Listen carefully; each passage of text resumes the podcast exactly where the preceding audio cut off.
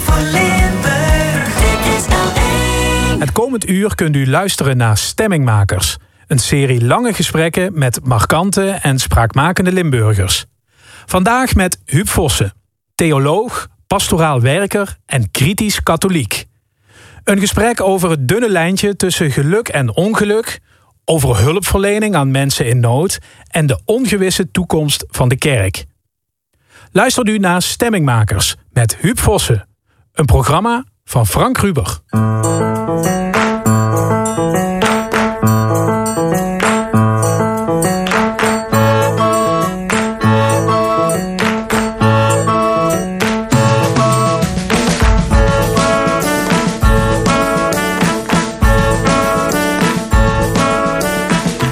Ik ben geboren op een boerderij in Oorsbeek.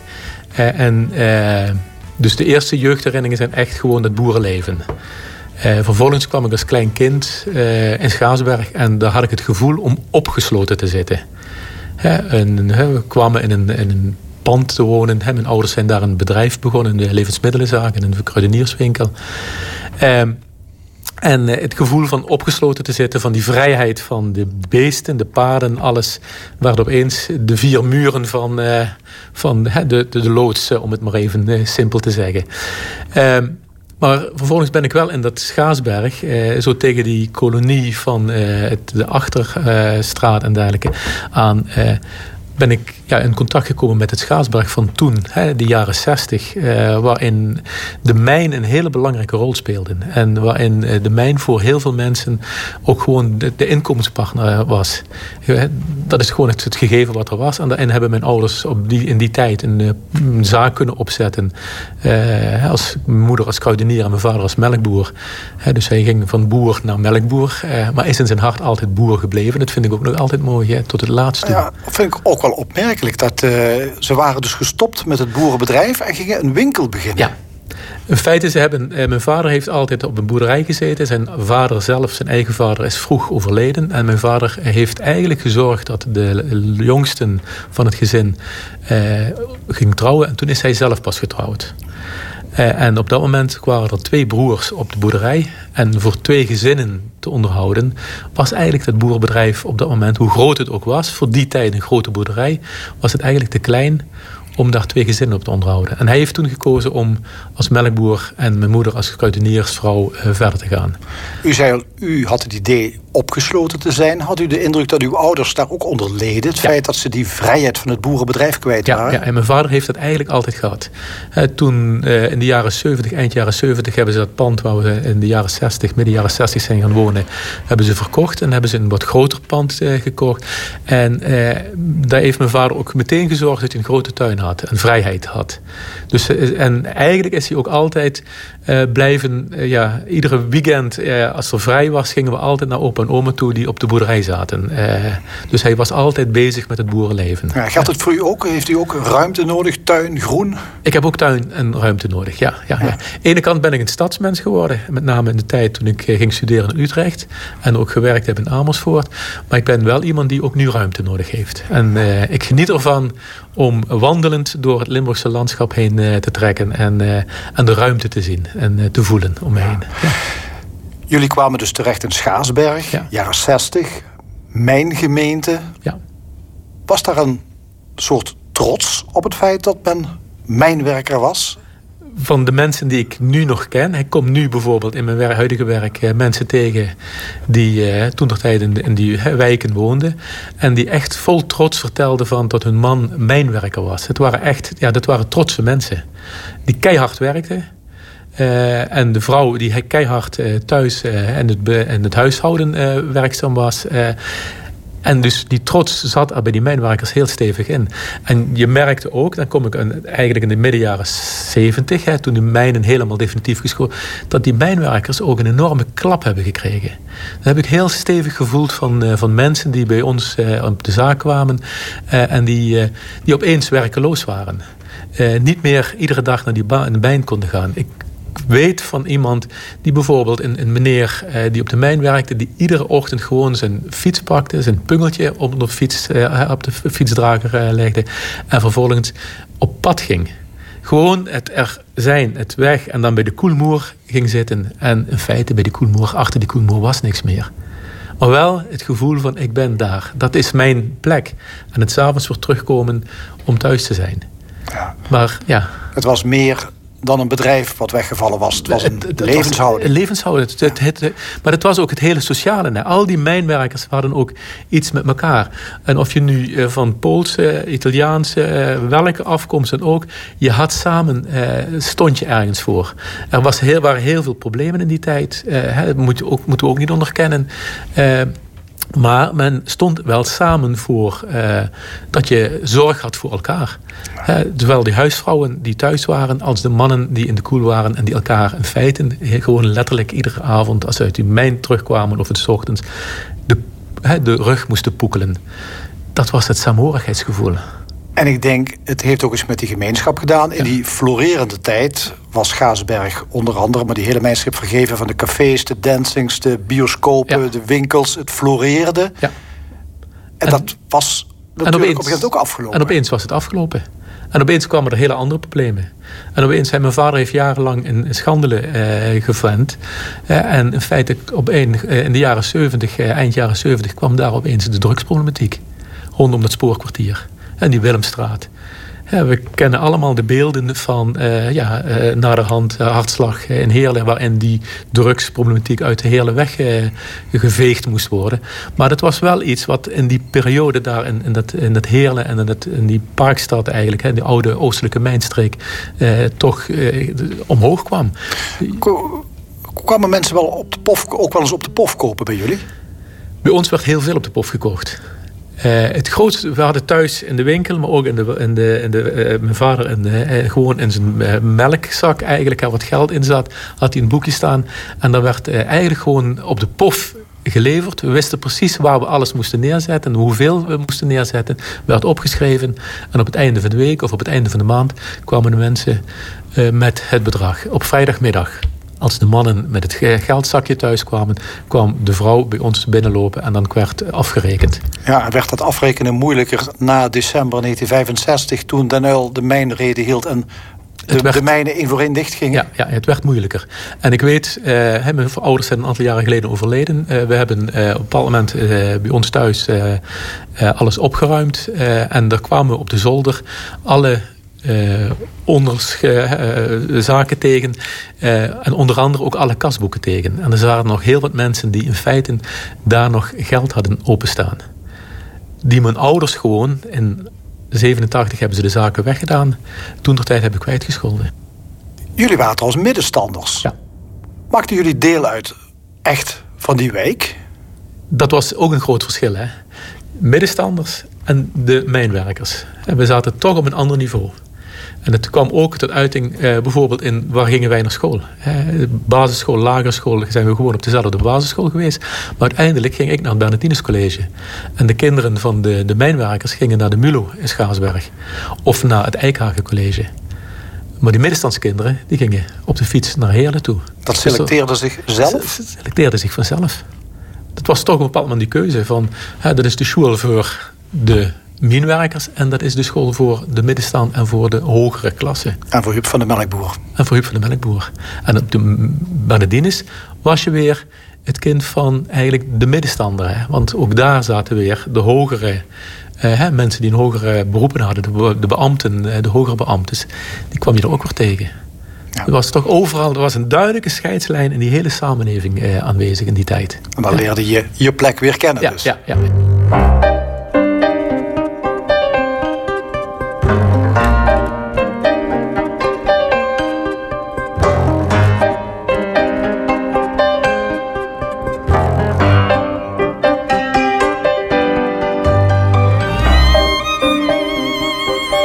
Vossen was ruim 18 jaar almoezenier van sociale werken bij het bisdom Roermond.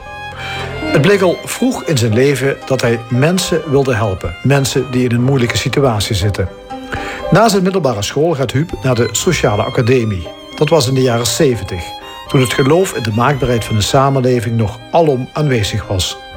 In de oostelijke mijnstreek zijn de mijnen dan net gesloten en de werkeloosheid is torenhoog.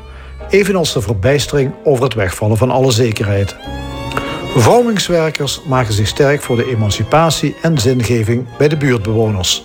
Ze waren aanwezig in de jongerencentra, vrouwengroepen en moedermavo's. Voor Huub Vossen voelde het vanzelfsprekend dat hij meehielp om de mensen in de mijnstreek weer op te peppen. Uh, ik denk dat het toch iets is wat ik van huis uit meegekregen heb. Uh, gewoon oog en oor hebben voor uh, mensen die uh, kwetsbaar zijn. Wat die melkboer misschien ook wel deed, dit deed er erbij. Luisteren naar mensen. Mijn vader en mijn moeder luisterden ontzettend veel naar mensen. En hebben heel veel mensen geholpen. en ik, ik, ik, zei net tegen collega's van mij hier... Ik kan me nog heel goed herinneren, bij ons in de straat woonde een familie met twee kleine kinderen. Vader ging vroeg de deur uit en moeder door sociale uh, psychische problematieken stuurde die kinderen heel vroeg al de straat op. Mijn vader was de, de, de wagen te laaien en dan kwamen die kinderen bij ons binnen. En die kwamen bij ons samen met ons eten. En die hebben jarenlang bij ons het ochtends aan tafel gezeten. En dat was het sociale aspect. Niet zeggen van, hey, je hoort op straat, eh, ga maar thuis eten. Nee, uh, bij ons was altijd de ruimte voor mensen die het minder hadden. Uh, om mee te, aan te schuiven aan de tafel. Het was gewoon iets van zelfsprekends eigenlijk. Uh, en dat is iets wat ik, wat ik van huis uit meegekregen heb. Dus, dus ook de zorg hebben voor hoe kun je nu mensen helpen om, ja, om verder te komen in die samenleving. Ja. En ik moet denken, dat vormingswerk, jaren 70. Ik vind het ook heel erg jaren 70 vormingswerk. Ja. Hè? Het ja. is eigenlijk iets wat, althans in die vorm, verdwenen is. Ja. Um, er wordt tegenwoordig misschien ook wel een beetje meewarig, een beetje lacherig over gedaan. Hè, over die langharige vormingswerkers en vader Spijkerboek... die het allemaal Precies. goed bedoelde. Met een lange baard. En met een lange baard. en ja, misschien kwam het er ook allemaal niet uit. Hè. Er waren natuurlijk hoogdravende idealen... Ja, ja. maar ook niet alles werd waargemaakt natuurlijk. Nee, nee in feite, eh, het waren prachtige jaren. Eh, we waren hele hoogdravende ideeën. Eh, vanuit Roger Frère, waarin we in feite probeerden... toch vanuit die ervaringsleren eh, mensen eh, verder te helpen in die samenleving... Ehm, maar het was ook een heel moeizaam traject. Heel moeizaam traject. Waarmee in de slag ging. Ik heb je bijvoorbeeld een jaar in Valkenburg... Waar, waren jullie, jullie zeg ik dan, maar als... waren jullie als vormingswerkers misschien te naïef? Ik denk dat we best wel naïef waren. We dachten de wereld te kunnen veranderen. We dachten in feite gewoon in zo'n mijnstreek, in zo'n Limburg... waar heel veel sociale problemen waren. Mensen door, uh, door een stukje scholing uh, verder te helpen in die samenleving. Uh, maar we wisten eigenlijk dat de problemen die in die samenleving waren... die wisten we niet op te lossen. En eh, we hadden ook de politieke draagkracht op dat moment niet in die Limburgse samenleving. Om daar iets mee te doen, om daar aan de slag te gaan. Heeft het wel waarde gehad, dat vormingswerk ik, ik denk voor heel veel mensen heeft het waarde gehad. Ja, absoluut. Het is geen geld over de bank, het is, de balk gesmeten. Het, het zal voor uh, bepaalde mensen best zijn dat ze denken van... het is geld over de balk gegooid. Maar er zijn genoeg mensen uh, die we toen in die jaren goed geholpen hebben... om toch uh, te ontdekken van dat het leven van hen... ondanks de beperktheid van waarde is. Ik heb een jaar lang in Valkenburg gewerkt met jongvolwassenen. waarin in feite Valkenburg toen de tijd... En nu ook nog altijd de toeristenstad, de horecastad... in de zomerdag verdienden ze handenvol geld... maar in oktober stonden ze op straat. Uh, en dan hadden ze tot maart, april hadden ze geen baan. En dan waren het allemaal die jongeren die in feite ja, eigenlijk ja, prachtig genoeg geld verdienden. Maar is dat de weg om in feite je leven verder te leven tot je 65, tot je straks met pensioen gaat? Of moet je kijken van hoe kun je in feite in die samenleving verder komen. En daarin hebben we ze met ze eh, gekeken naar mogelijkheden. We hebben ook gekeken naar wat zijn nu de, de, de, de sterke kanten van jou. Ik weet nog goed dat ik een jongen heb, eh, die, die, die vond het prachtig om te koken. En die liep in feite met een dienblad rond. En die is van bij ons uit gewoon gaan koken. En die is uiteindelijk de kokschool gaan doen. En is uiteindelijk kok geworden. Dat betekent in feite dat je zo'n jongen verder helpt op de ja. samenleving. Maar dat soort vormingswerk is verdwenen. Ja. Het is verambtelijkt. Ja. Die vormingswerkers zijn nu ambtenaren. Is daarmee beter geworden? Is het slechter geworden? Is het, of is het anders en moeten we er geen waardeoordeel over ik, ik, denk, eh, het is moeilijk om daar een waardeoordeel over te zeggen. Maar ik denk wel dat we nu eh, de beambten, de ambtenaren... die in feite nu eh, oordelen over jongeren van achter een bureau vanuit hun referentiekader gaan kijken naar eh, mensen en eigenlijk niet weten van wat drijft hen nu eigenlijk. Ik kwam afgelopen week eh, was ik op een woonwagenkamp. Eh, ik, ik, bezoek zo nog overal met mensen. Die contacten heb ik nog altijd. Daar zat ik bij een uh, familie en die hadden mij ook gevraagd van Huub, kom eens even met ons praten. Een jongen van 15 jaar kan nog altijd niet lezen of schrijven. Zijn broer zit inmiddels op de HJO of op de, in, in, in Maastricht op de Hogeschool, Hogeschool Zuid. marketing doet hij daar andere broer, drie jaar jonger, kan niet lezen en schrijven, zit op het VSPO. En er wordt totaal niets aan gedaan. Waar wordt naar gekeken? Er wordt gekeken, waar komt hij vandaan? Dat is in ieder geval wat zijn moeder constant zegt. Er wordt constant gekeken, wij zijn uh, mensen van het woonwagenkamp. Uh, we zijn, dat is wat zij voelt, wat haar vader ook voelt. We zijn minderwaardige mensen. En er wordt niet gekeken naar wat hij wel zou kunnen. Terwijl zo'n jongen denk ik, heel veel kan. Die gaat straks, en dat is de grote zorg van die moeder, die gaat straks, als die 18 is, van zo'n opleiding af en die kan nog altijd niet lezen of schrijven. En wat heb je dan in onze samenleving? Niets. En dan wordt hij straks gecriminaliseerd, want dan gaat hij, zegt zijn moeder gewoon, misschien de wietplantages in. Want daar kan hij het geld in verdienen. Maar gewoon bij een baas werken zal hem nooit lukken. En dan hebben we meteen weer de grote criminaliteit. En nu wordt er niet naar me omgekeken. Dat was wat de moeder mij afgelopen week zo vertelde. En ik denk dat dat is de realiteit waarin we zitten. En ik weet, ik ben een aantal jaren geleden met Wim Broens... Hè, en een van de, de, de mensen, intermediairs... die met woonwagenpastoraat bezig, zijn bezig waren in Limburg... Uh, uh, bij de onderwijsambtenaar geweest. En die had ook zoiets van... Wat, wat, moet ik? Hij kan dat niet. Dus uh, we hebben verder niets. Nee, gevangen in de regeltjes. In de regeltjes. Komen dit soort mensen terecht in, snel in de criminaliteit. In de criminaliteit, precies. Ja. ja.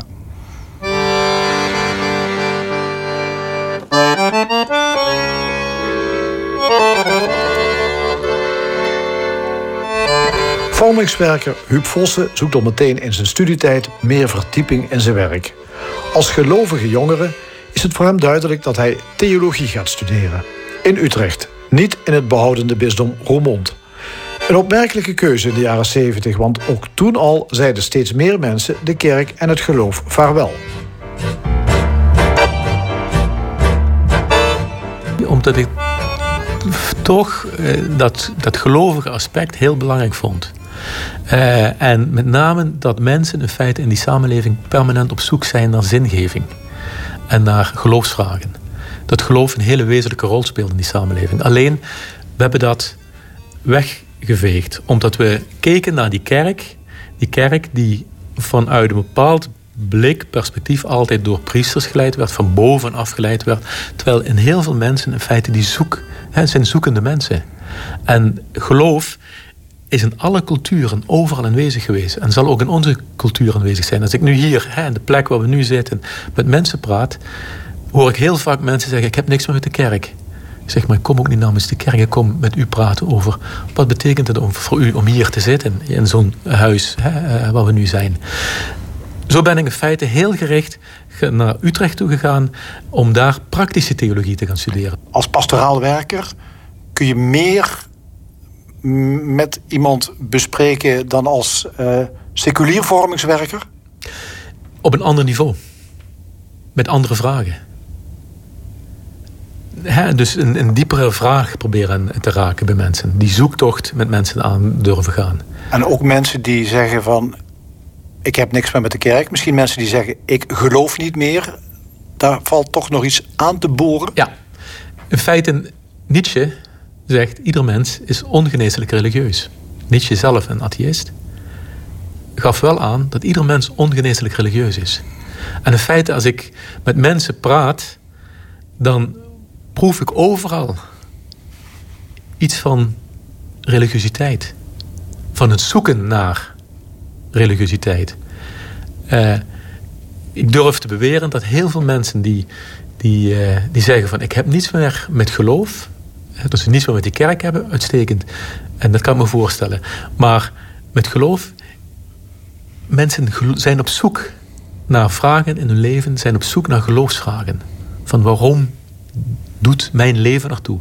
Waarom heeft dit zin of wat, hoe moet ik dit nu duiden wat in mijn leven gebeurt?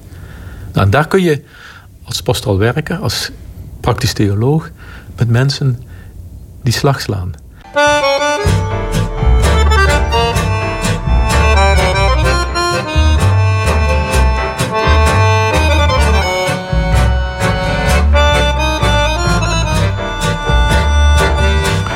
Vossen gaat als praktisch theoloog eerst aan de slag in een grote nieuwbouwwijk in Amersfoort. Een plek waar mensen dreigen te verpieteren van eenzaamheid tussen het oprukkende beton. Bisschop Wiertz haalt Huub Vossen begin deze eeuw naar het bisdom Roermond. Daar wordt hij almoezenier van sociale werken. Hij maakt zich overal in Limburg sterk voor hulp aan mensen die in de problemen zitten. En vaak zijn dat mensen die met schulden kampen. De vraag is, is dat wel een taak van de kerk? Is, is een taak van de kerk, is een taak van de samenleving in eerste instantie, maar is het ook een taak van de kerk. Alleen de samenleving heeft daar geen oor en oog voor. En de kerk had daar in het verleden ook vaak weinig oog en oor voor.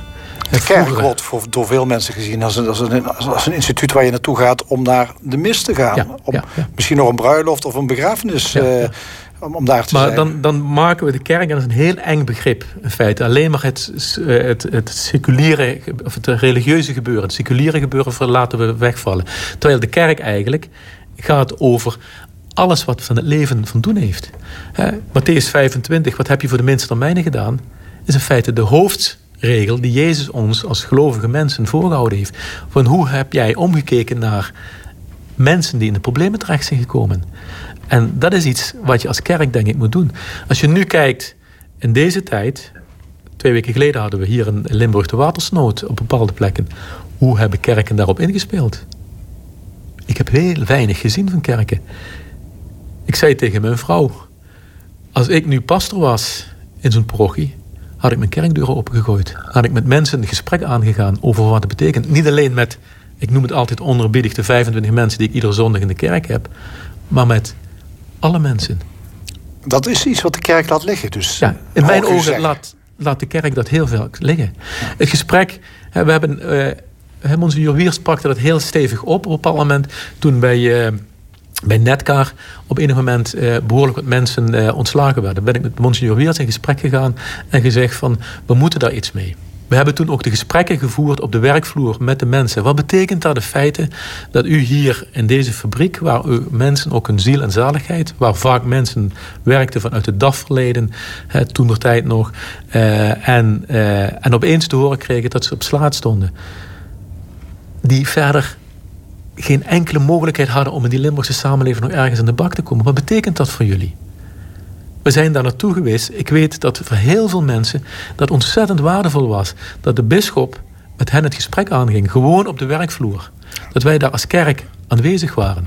Ik weet van Bouchaib Sa- Sadanen, de toenmalige OR-voorzitter, vond het prachtig om als moslim op deze manier mens, de kerk te ontmoeten. Ja. Ik vrees alleen dat u een, soort roepende in de woestijn bent. Want ik zie de kerk dit werk allemaal niet op zich nemen. Dus dat Maar is een, ja, dat- u, ik hoor u denken, het is een gemiste kans. is een gemiste kans. Maar misschien bent u wel de enige. Ik ben niet de enige, denk ik. Een van de weinigen. Een van de weinigen, dat klopt. Eh, maar het is wel een gemiste kans. Die, eh, en in feite zijn we ook roepend in de woestijn. Jammer is in feite dat zo'n bisschop, hè, een bisdom, eigenlijk zo'n dienstkerkende samenleving in het bisdom, die 118 jaar bestond. En die in feite vanuit die gedachten van Poels eigenlijk die vragen opgepakt heeft, iedere keer opnieuw. Daar zijn waar de problemen van de samenleving zijn. En eigenlijk, jammer genoeg, was ik vaak in het bisdom een van de weinigen. Dat klopt. En daar bent u inmiddels niet meer een van de weinigen. Want u bent in geval in 2019 ook ontslagen. Dat had te maken met financiële problemen bij het bisdom. En toen is die dienst eh, waar u voor werkte is opgeheven. Dat moet een eh, rare ervaring zijn geweest. Hè? In uw pastorale werk eh, stonden u regelmatig mensen bij... die dan plotseling hun baan kwijtraakten. Dat vertelde u zojuist al. Die tuimelden dan in een gat, geestelijk. En op een gegeven moment overkwam het u zelf. Ja. Hoe was dat? Het was en keihard. En je voelt dan in principe eh, wat het voor al die andere mensen allemaal betekend heeft. Het is een, een, een leerschool voor mij geweest om dat ook zo te voelen. Eh, dus het is gewoon heel hard. Maar het punt was ook nog eens heel hard, omdat onze dienst, en dat wil ik toch hier ook gezegd hebben, onze dienst was financieel onafhankelijk van het bisdom. En dat is in feite toch een zaak geweest waarin ik naar de bisschop toe heel vaak heb gezegd van... Monseigneur, wij brengen onze eigen centen bij, bij elkaar. En u roept van het financiële het bisdom gaat slecht. Klopt, het bisdom had financiële noden. Maar onze dienst had gewoon door kunnen gaan. Dat vond ik nog het meest pijnlijke. Dat daarmee eigenlijk het bisdom en de monseigneur uh, Smeets... eigenlijk de kwetsbare medemens eigenlijk aan de kant heeft gezet. Het lijkt ook opmerkelijk, hè? terwijl de kerken leeglopen...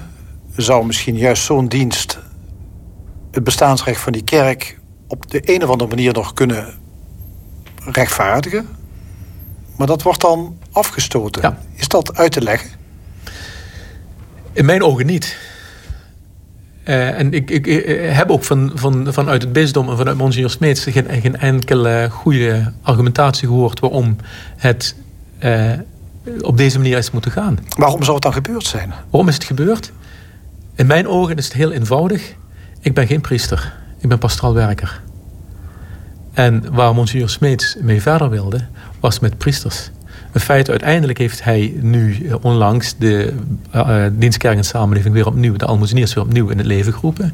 Hij is een nieuwe almozenier benoemd, maar als priester zijnde. En in mijn ogen zijn wij als leken, hè, want met mij was Marielle Beusmans... die met name hè, de contacten met de land- en tuinbouworganisaties... vrouwenorganisaties had... Eh, zijn we gewoon aan de kant geschoven... omdat we geschoolde theologen waren... maar in de ogen van de priesterlijke, de, hè, de sacramentele kerk... niet de priester waren. Ja. En dan laat je in feite zien waar je als kerk voor wilt staan. Wat voor jou het belangrijkste is. En dat is het, uh, het, het dat, dat, is er zijn voor de mensen die naar de kerk komen. Ja. En niet voor mensen die in nood zitten. Ja. Ik ben uh, Wim van Meijgaarden en ik ben uh, lid van een kloostergemeenschap. Ik ben pater Sacramentijn. En een wereldorganisatie die over de hele wereld zit. Ik heb lang altijd gewerkt in in Nederland, in Nijmegen, in Den Bosch. En daarvoor heb ik gewerkt in, eh, in Frankrijk. En de laatste twaalf jaar zit ik hier in het Limburgse. En ben ik uh, daarvan uh, tien jaar vicaris voor kerk en samenleving geweest. En uh, ben ik degene geweest die de, de, leiding gaf aan de dienst kerk en samenleving... als hoofdalmoezenier sociale werken. En daar werkte Huub Vossen ook. Dus u kent elkaar heel goed, neem ik aan. We kennen elkaar heel goed in ieder geval, ja. Als ik u nu vraag, hoe karakteriseert u Huub Vossen? Wat is hij voor een man? Huub is, uh, laat ik dat met twee dingen zeggen. Huub is een uh, echte kerkmens. Met hart en ziel verbonden aan de katholieke kerk. Zonder dat hij dan ineens daar... Uh, die katholieke kerk helemaal zal, uh, kritiekloos zal aanvaarden. Dat is, uh, maar, hij staat als, maar het is een echte kerkmens, hij is aan de kerk verbonden. En hij is ook een echte mensenmens, hij is ook aan de mensen verbonden. En het welzijn van mensen gaat hem zeer te harte. En of dat nou gelovig is, religieus, of dat het nou maatschappelijk welzijn is, of dat het nou kennis, uh, vorming is van mensen. Al die dingen gingen hem altijd te harte, ja. ja. Hij is theoloog, pastoraal werker. Hij was ooit opbouwwerker, vormingswerker. Wat, wat, drijft hem? Is het, het het geloof? Zijn het de mensen? Is het de hoop op een betere samenleving? Wat, wat zou het zijn? Ik, kan, ik denk dat het toch Huub maar geloof en, en, en, en leven gaat samen. Hè? Dus dat zijn geen twee gescheiden zaken. Dus vanuit zijn geloof heeft hij een bepaalde visie op samenleving, heeft hij een bepaalde visie ook op het omgaan met mensen. En dat heeft hij uh, van harte altijd gedaan. Is het iemand voor wie het glas half leeg of half vol is? Nee, het is altijd half vol. Ja? Ja, ja, Huub ziet altijd mogelijkheden. En uh, ook in het in maatschappelijk welzijn bij mensen, hè, in, in, in moeilijke situaties, in stresssituaties, is Huub wel degene die eigenlijk zeg maar, altijd de, de, de mogelijkheden ziet, ze wil eh, benutten en daartoe ook uh, initiatieven wil nemen om die, uh, die mogelijkheden te benutten. En als hij iemand kan helpen, doet het dan ook echt iets met hem? Dat is zijn leven, hè, denk ik. Hij, eh, helpen is niet iets, laat ik dat nou vandaag eens doen. Dat is een attitude. Een attitude om eh, mensen gewoon nabij te zijn. Maar dat, zegt dat mensen mensen. Hij, hij wil mensen nabij zijn waar ze ook staan. Als het eh, de ene keer... Ik kan me nog een mooi verhaal van... Het, heilig, het heilig jaar dat we hadden. Het jaar van barmhartigheid. Dat de paus had uitgeroepen. En toen ging Huub met een groot aantal uh, verslaafden en daklozen en dergelijke ging hij naar, uh, naar Rome. Nou, daar geniet Huub van. Maar dan denk het is ook een, wel, een welvaart zijn geweest, een welvaart geweest voor, voor die mensen die meegingen. Huub is in 2019 ontslagen tijdens een reorganisatie bij het bisdom. Hij vermoedt zelf dat dat er ook mee te maken had dat hij geen priester is. Dat hij wel theoloog is, maar ja, natuurlijk niet gewijd als priester. Heeft hij een punt? Ja. Het is moeilijk te zeggen voor mij, hè, die aan de kant heb gestaan van de, van de bisschoppenconferentie. Ik ben namelijk uh, uh, tien jaar lang uh, vicaris-generaal geweest van het bisdom van de Bos. Dus daar heb ik ook een beetje aan die kant gestaan. En ik, ik zal de bisschoppenconferentie niet afvallen, maar hij heeft wel een punt. Ja, ik denk dat het in Nederland zo is dat de bisschoppen erg gericht zijn op de priesterwerkers. En uh, dat de, de invulling van het pastoraat, zoals dat eigenlijk ook gevraagd is door het Tweede Vaticaans Concilie, door de leken gewoon. Hè. Dus iedereen heeft een opdracht tot, uh, tot de goed doen aan elkaar, tot pastoraat uh, in deze wereld.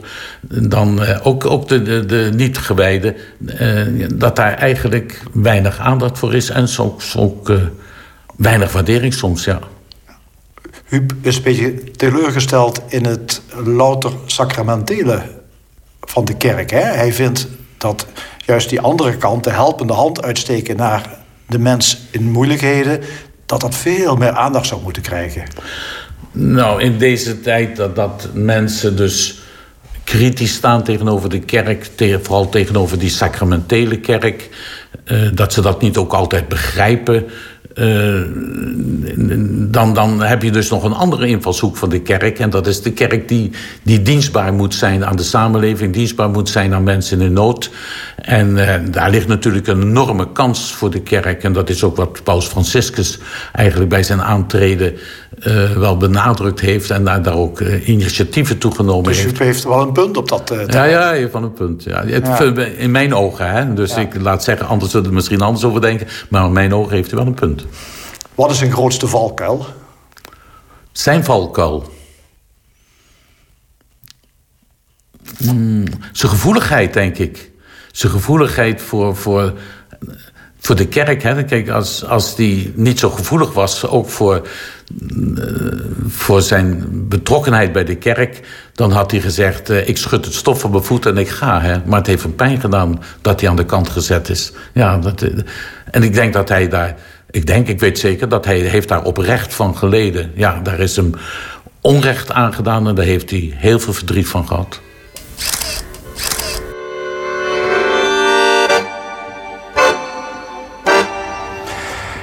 Ja, die kerk die heeft natuurlijk nog een, ook nog een klap gekregen tijdens de coronacrisis. Hè? Want uh, ja, missen waren lang niet uh, fysiek toegankelijk of deels toegankelijk. De nachtmis ging zelfs niet door, afgelopen kerstmis. Um, ik denk, ja, en dat is voor veel katholieken misschien wel het laatste draadje met die kerk. Uh, hoe ziet u de impact die COVID-19 heeft op de katholieke kerk? Uh, ik, ik, vrees dat die enorm is.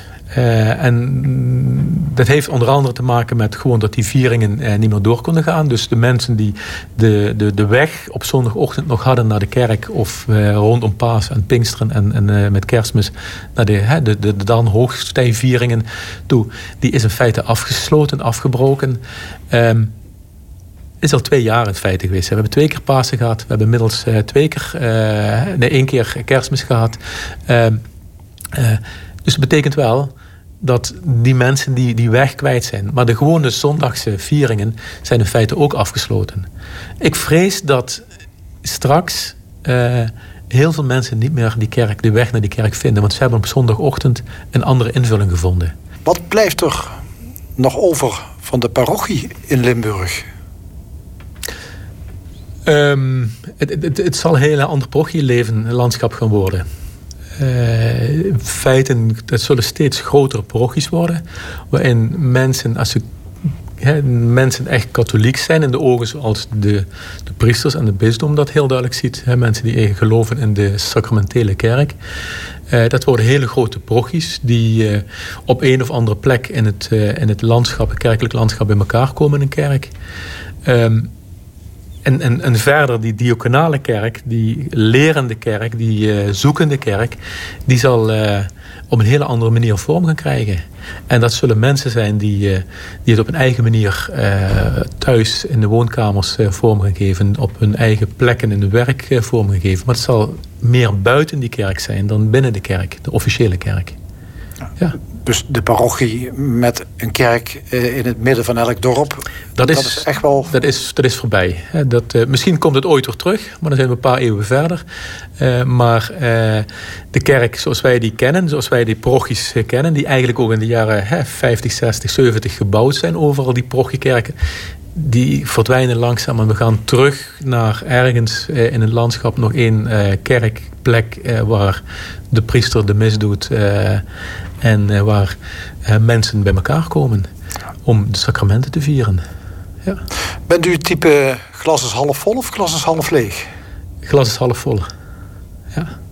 Dat toch wel? Ja, ja, ja. Ja, want als ik u dit hoor vertellen, u hebt uh, theologie gestudeerd, uh, pastoraal werker, en dan zie je het instituut waar je eigenlijk voor gewerkt hebt, dat zie je verschrompelen. Dat zie je verschrompelen, klopt. Uh, maar ik zie aan de andere kant heel veel mensen die eh, toch in, in zoeken zijn naar. En die in feite kijken van hoe kan ik op dit moment in deze samenleving iets van dat geloof, van die zoektocht, uh, met, samen met mensen uh, vormgeven. Dus dat is een soort waakvlam die waakvlam die blijft. blijft. Die blijft, absoluut.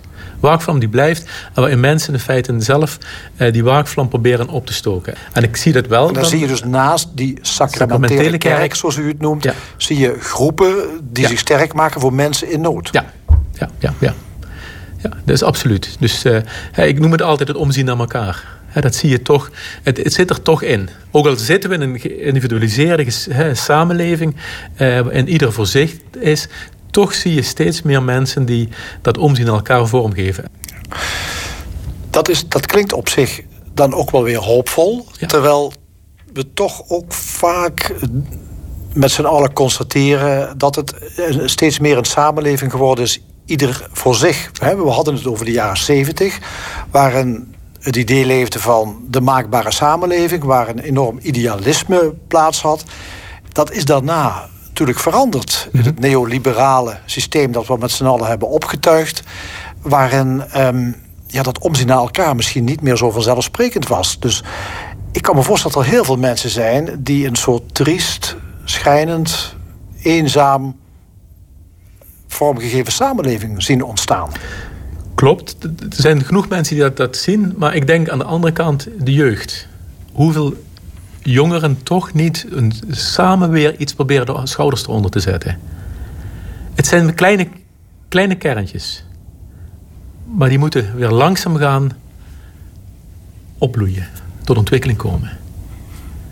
En we zitten nu in een samenleving die ja, heel individualistisch is. Mensen kijken toch minder naar elkaar om dan pak een beet een aantal decennia geleden. Als we het vergelijken met de jaren 70, absoluut. Maar ik denk wel dat we weer komen nu op een moment waarop we weer langzaam gaan meer naar elkaar gaan omkijken.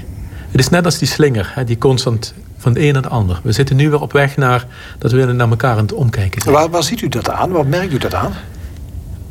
Een hele kleine dingen tot, tot mensen weer samen een volkstuin willen oppakken. Samen die pluktuinen, die groentetuinen die op verschillende plekken komen. Uh, samen uh, vrijwilligers die weer uh, schuldhulpmaatjes bijvoorbeeld. ik ben zelf voorzitter hier van Schuldhulpmaatje in Parkstad, waar we 100, meer dan 100 vrijwilligers hebben, die in principe toch oog en oor willen zijn, omzien willen naar mensen die in financiële nood zitten. Daar hebben we geen gebrek aan de vrijwilligers.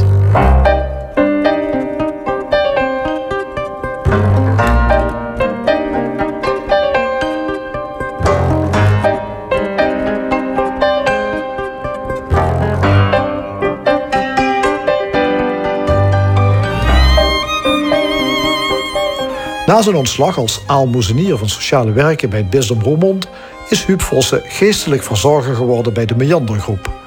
Bij deze zorginstelling in Parkstad heeft hij veel te maken met ouderen. Mensen die zwaar getroffen zijn door de coronapandemie, omdat ze lang afgezonderd van iedereen op hun verzorgingshuiskamers moesten doorbrengen. En er zijn veel ouderen gestorven door het coronavirus. Het maakte veel indruk op Huub Vossen die veel ziekenzalvingen moest uitvoeren. Heel bijzonder. Ik ben hier binnengekomen op 1 maart 2020. Eh, 15 maart eh, werden we geconfronteerd met eh, de eerste mensen die corona hadden. deuren gingen dicht. Betekende dat opeens bewoners hier in huis geen bezoek meer mochten krijgen. Geen familie, geen naasten. Opgesloten zaten. mensen die ziek werden. Personeel dat ziek werd. Mensen die overleden aan de ziekte. het was heel heftig. Eh, in huis. Uh, zeker ook in zo'n tweede periode. Ik denk terug aan bijvoorbeeld januari... waarin we hier in de Haambos uh, op bepaalde afdelingen behoorlijk getroffen werden. Waren er mensen, waren er bewoners die ja, twijfelden... of hun aanwezigheid überhaupt nog wel gewenst was in deze wereld? Ja. Ja, ja. ja absoluut. Wat, wat, wat, wat zegt u dan tegen zo iemand die met die vraag zit? Kijk, op het moment dat, dat mensen gewoon in die eenzaamheid zitten... Hè, eh, als ze in feite gewoon hun naasten niet meer kunnen zien... alleen maar kunnen horen via de telefoon of via een tablet... Hè, videobellen wat we toen hadden... en eigenlijk heel eenzaam op hun kamers. Vaak werden ook mensen op hun kamers of opgesloten... gewoon omdat de, hè, de quarantaine, er was... Uh, en dan kwam die grote vraag van waarom, wat, waarom is mijn leven nog van waarde? Nou, dan ga je met hen het gesprek aan. En dan ga je zoeken naar wat nog waarde kan geven, zin kan geven aan het leven. En voor de een is dat toch die kleinkinderen of het geboren worden van een kleinkind. En voor de ander is het de partner die thuis is. Maar mensen moeten dat weer opnieuw op het netvlies krijgen. Maar er zijn ook mensen bij die zo eenzaam zijn omdat hun partner overleden is. En verder niemand meer hebben. En dan is het heel moeilijk om in feite ja, zin in hun leven te ontdekken. En ik heb ook genoeg mensen zijn we tegengekomen in deze periode die heel bewust vroegen van het is genoeg geweest voor mij. De euthanasievraag kwam vaak naar voren. En dan ga je het gesprek met mensen aan over ja, is het daadwerkelijk lijden wat je hebt? De ziekte is die zo erg om euthanasie of niet? Maar als het gesprek weer op gang komt, zie je ook dat mensen weer waarden gaan ontdekken in hun leven. Kijk, een verpleegkundige... En kunt u dan mensen weer een zinvol leven cadeau doen? Of ik het cadeau kan doen, weet ik niet. Maar in ieder geval, ik kan ze wel iets aanreiken. En zij moeten het zelf gaan ontdekken. En misschien kan het een cadeautje worden.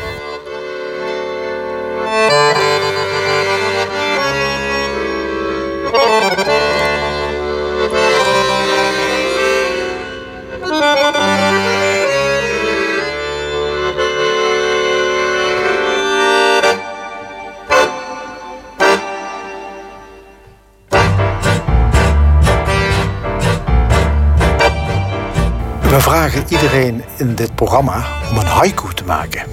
Dat is een uh, Japans gedichtje. Moet aan uh, strenge regels voldoen. En ik heb het u ook gevraagd. Ja. Wilde u hem voorlezen? Ja. Omzien naar elkaar. Zoals een vredesduif vliegt. Het lijkt zo gewoon. Ja, het sluit naadloos aan bij het gesprek dat we voeren eigenlijk. Ja. Heeft u de indruk dat u iemand een beter leven heeft kunnen bezorgen door uw werk? Ja. Ja, ja, durf ik gewoon te zeggen. Ik heb genoeg mensen waar ik, eh, van betekenis voor heb kunnen zijn in, in mijn leven. Ehm, door de gesprekken die ik met ze gevoerd heb. Door dat wat ik ze heb kunnen aanbieden. en vaak gaat het niet om grote bedragen. Het gaat gewoon om hele kleine dingen. Heeft u de indruk ehm, dat u uw eigen leven tot nu toe voldoende benut heeft? Ik heb het volop benut. Ja? Ja, ja, ja.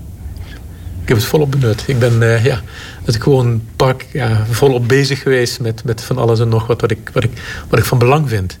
Ja, dus uh, afgelopen zaterdag waren we met een aantal neven en nichten bij elkaar. En toen hadden we het over van wat hebben we meegekregen van huis uit. In feite, we komen uit een boerengezin. Uh, er moet altijd iets. Uh, in mijn leven moet ook altijd iets. Ik moet altijd van betekenis zijn. Ik ben niet iemand die stil ergens gaat zitten. Dus ik ben altijd bezig geweest. En ik ben altijd, van ik heb altijd geprobeerd om van betekenis te zijn voor mensen.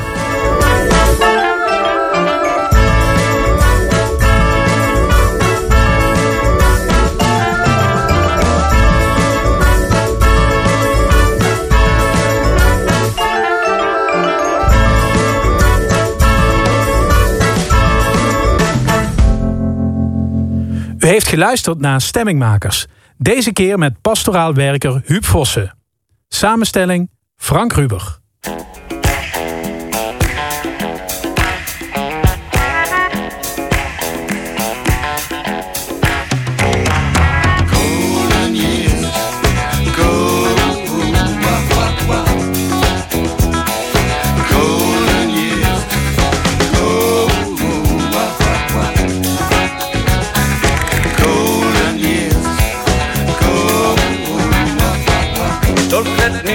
You say life's taking you nowhere.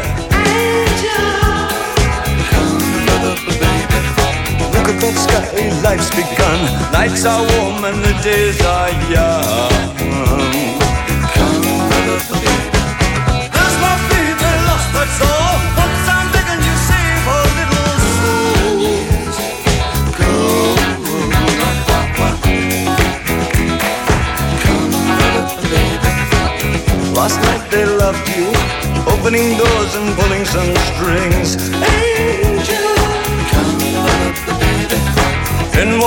And you looked in time. Never look back, walk